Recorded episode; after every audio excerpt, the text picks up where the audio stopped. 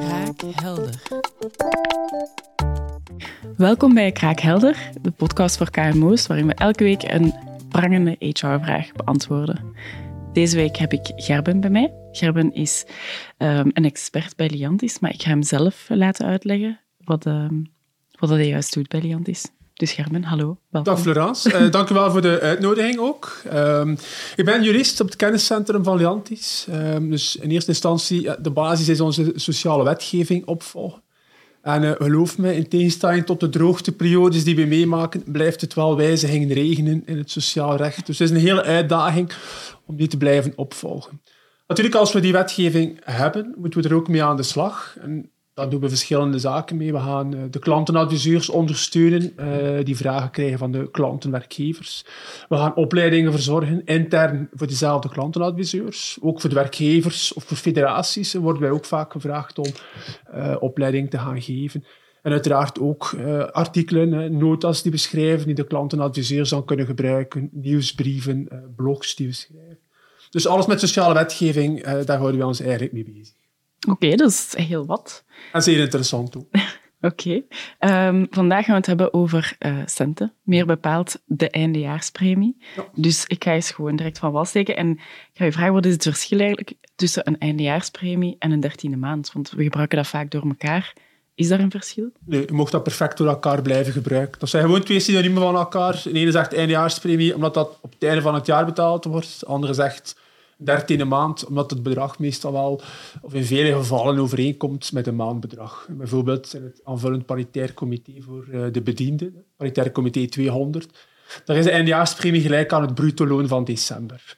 Ja. Eh, en in vele andere sectoren komt dat ongeveer overeen ook met een maandloon. Maar soms zorg je ook een kerstpremie. Uh, dus het is maar hoe dat je het noemt. Dus, uh, het zijn allemaal synoniemen van elkaar. Oké, okay, kerstpremie had ik nog niet gehoord. um, Natuurlijk, een eindjaarspremie, daar horen waarschijnlijk wel belastingen bij. Um, hoeveel gaat er nog van af? Niet alleen belastingen, Florence, ook sociale zekerheid natuurlijk. Hè. Dus, ja. uh, dat is vaak gehoorde klacht bij werknemers als ze een loonbriefje krijgen met de eindjaarspremie. Ja, dus enerzijds gaat er de sociale zekerheid vanaf. Dat is al 13,07 procent die afgevoerd wordt naar de sociale zekerheid. En dan gaan er nog belastingen af. En door het feit dat die eindejaarspremie eigenlijk bovenop het gewone loon komt, zijn er daar nog een keer speciale tarieven, de speciale belastingtarieven die daar van toepassing zijn. Uh, en die kunnen oplopen tot 53,5 procent. Dus, okay. uh, als je bijvoorbeeld een eindejaarspremie van 2500, dan hou je 1200 van over.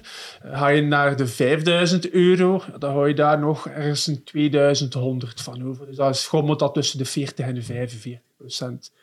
Dus, maar werknemers zien helaas dikwijls uh, enkel het, het bedrag dat, dat ze niet krijgen en eerder dan het bedrag dat ze wel krijgen.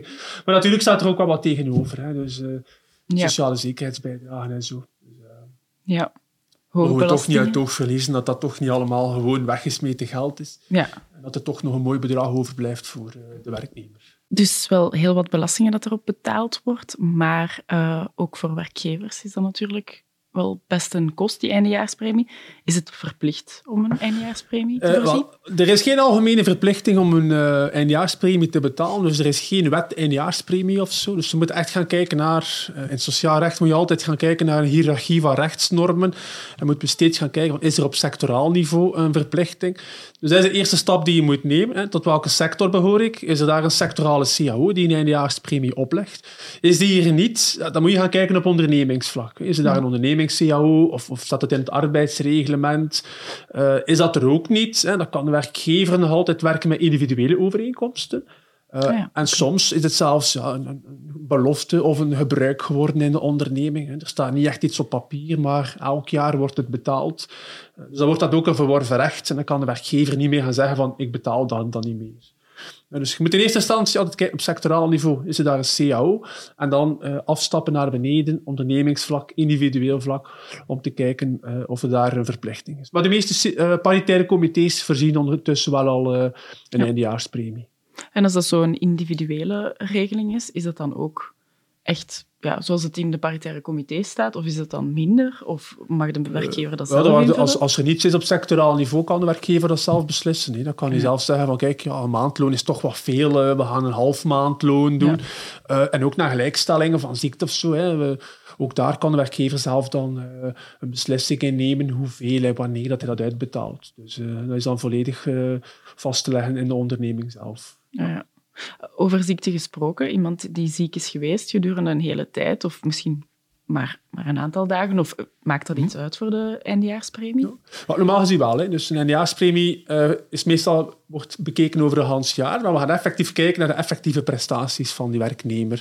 Eh, en dan moeten we weer opnieuw hè, die stappen gaan, gaan nemen op sectoraal niveau. Is er een CAO?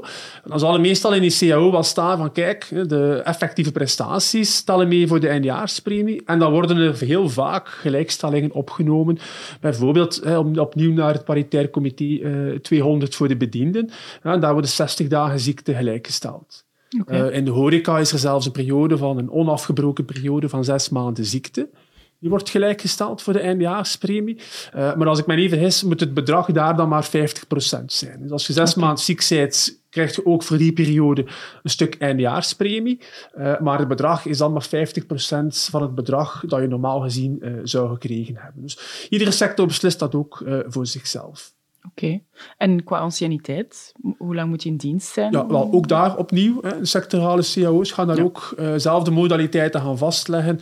Eh, ik dacht dat in de horeca maar twee maanden moet zijn, terwijl dat in het paritaire comité eh 206 maanden in dienst moet zijn. Maar ik pin me nu niet vast op die aantal maanden, hè, maar weet gewoon, als je dat Ja. moet weten, ga naar de sectorale CAO. Eh, en daar wordt meestal het antwoord wel gegeven. Want die lopen heel divers uit elkaar. Oké, ja. Ja. Ehm, uitzendkrachten, hebben die recht op een eindejaarspremie of staan die daar buiten? Nee, nee, die hebben ook recht op een eindejaarspremie. Oorspronkelijk was het zo dat zij eh, een eindejaarspremie opbouwden bij de gebruiker. Hè, dat ze telkens moesten gaan kijken van, ik heb bij die gebruiker gewerkt, bij die gebruiker, maar ja, ze waren er maar een tijdje geweest, ze waren er al lang weg, dus zij, zij gingen hun rechten niet gaan opeisen. Ze hadden ook vaak al geen band meer met een uitzendkantoor die dat voor hen kon doen. Dus dat is nadien veranderd. Nu zit dat volledig bij het Sociaal Fonds voor de Uitzendkrachten.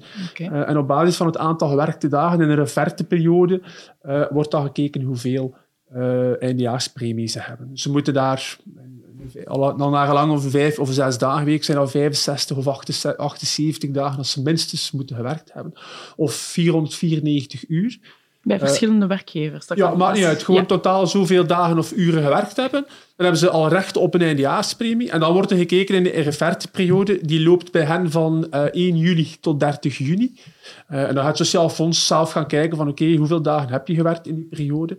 En dan krijgen ze daar ook, eh, ik dacht, 8,33% van het bruto loon dat ze verdiend hebben, krijgen ze dan als eindejaarspremie. Maar het is dus echt wel nu gecentraliseerd in, bij het Sociaal Fonds. Ze moeten niet meer zelf bij alle gebruikers, voordat ze als uitzendkracht gewerkt hebben, eh, die premie gaan opvragen. Ja, dat is wel een hele verbetering voor ons. Zeer zeker. Ehm, die eindejaarspremie kunnen we dat ook omzetten naar een, eh, of in een cafetariaplan. Ja, wel, ik ga een beetje in herhaling vallen. Hè. Dus ook daar moet je naar de sectorale CAO kijken. Eh, ik grijp opnieuw naar het aanvullend paritair comité voor de bedienden in de 200, omdat er daar een mogelijkheid wordt geboden in de CAO om dat effectief te gaan omzetten. Ook al is er daar wel een beetje discussie met de vakbonden van eh, is daar ondernemings-CAO nodig of niet. Eh, maar daar eh, wordt dat, kan dat. Maar bijvoorbeeld in vele paritaire comité's, horeca, bouwsector, de uitzendkrachten die je daarnet aanhaalde, die eindejaarspremie wordt betaald door het Sociaal Fonds. Dus daar heeft de werkgever geen enkele mogelijkheid om die eh, te gaan omzetten. Ja. Dus je moet ook daar iedere keer kijken naar eh, de bron van die eindejaarspremie, of dat er daar een mogelijkheid geboden wordt eh, om die eindejaarspremie om te zetten in een cafetariaplan.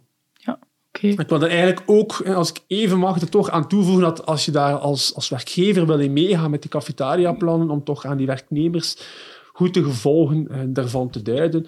Want bijvoorbeeld, als je dan kiest voor een bedrijfsfietsen, kan het wel zijn dat je twee, drie jaar gebonden bent door die afspraak. En dat je dan ook ja, twee, drie jaar geen eindejaarspremie in cash gaat krijgen. Ja, omdat die nu eenmaal omgezet is in die fiets. En dat je als werknemer niet halverwege kan zeggen, eh, die fiets na anderhalf jaar, oh, ik vind hem toch niet zo leuk, eh, ik zou toch liever die cashpremie willen. Dus dat zijn afspraken die gemaakt worden, die bindend zijn. Dus de gevolgen voor de werknemer moeten ook wel duidelijk zijn. Hè. Dus spreek dat zeker goed door. Uh, informeer de werknemers zeer goed, zodat er daar geen uh, discussies of, of, of misverstanden over zijn. Ja, ik had misschien nog een, een laatste vraag. Wordt het op een andere manier uitbetaald? Bijvoorbeeld uh, bij arbeiders zien we dat vakantiegeld dat is eigenlijk anders geregeld als bedienden. Is daar een verschil in? Arbeidersbedienden? Uh, nee, normaal gezien is het ook uh, de werkgever die die eindjaarspremie betaalt. Dus daar, daar komt uh, geen vakantiekas of zo intussen. Het enige dat je wel hebt, is, is dat je, vooral bij de arbeiders, dat je daar dan wel met een sociaal fonds zit. Dus dan, wordt een, dan gaat de werkgever eigenlijk vooraf de bijdragen of, of het bedrag van die eindjaarspremie in stukjes gaan doorstorten via zijn, werk, zijn RZ-bijdragen naar de RZ. En via de reset komt dat dan bij de desbetreffende sociale fondsen terecht. Uh, en die gaan dan op hun beurt uh, die eindjaarspremies gaan berekenen en uh, uitbetalen aan de, aan de arbeiders of bedienden. Bedankt Gerben, ik vond het heel duidelijk. Um, is er nog iets dat jij graag wil meegeven aan de luisteraars? Uh, ik vond het in elk geval heel leuk om te doen, al, Florence. Uh, en voor de rest, ja, ik kan alleen maar zeggen aan de werkgevers van kijk, uh, als je vragen hebt over die eindejaarspremie, consulteer die sectorale CAO of ga naar waar die eindejaarspremie ergens verplicht wordt gesteld. Is dat een sectorale CAO? Is dat in het arbeidsreglement? Daar ga je normaal gezien alle modaliteiten terugvinden. Uh, hoe en wanneer die eindejaarspremie moet betaald worden. Oké, heel duidelijk. Dankjewel. Zo, dat was deze aflevering van Kraakhelder. Bedankt voor het luisteren of het kijken. Volgende keer ben ik er ook weer bij. En dan gaan we een heel ander onderwerp onder de loep nemen. Maar heb je zelf nog een vraag anything HR-related dat je graag wil uh, beantwoord zien worden door een van onze experten, stuur dan zeker je vraag door via liantis.be slash kraakhelder of kraakhelder.podcast via Instagram. Tot de volgende keer.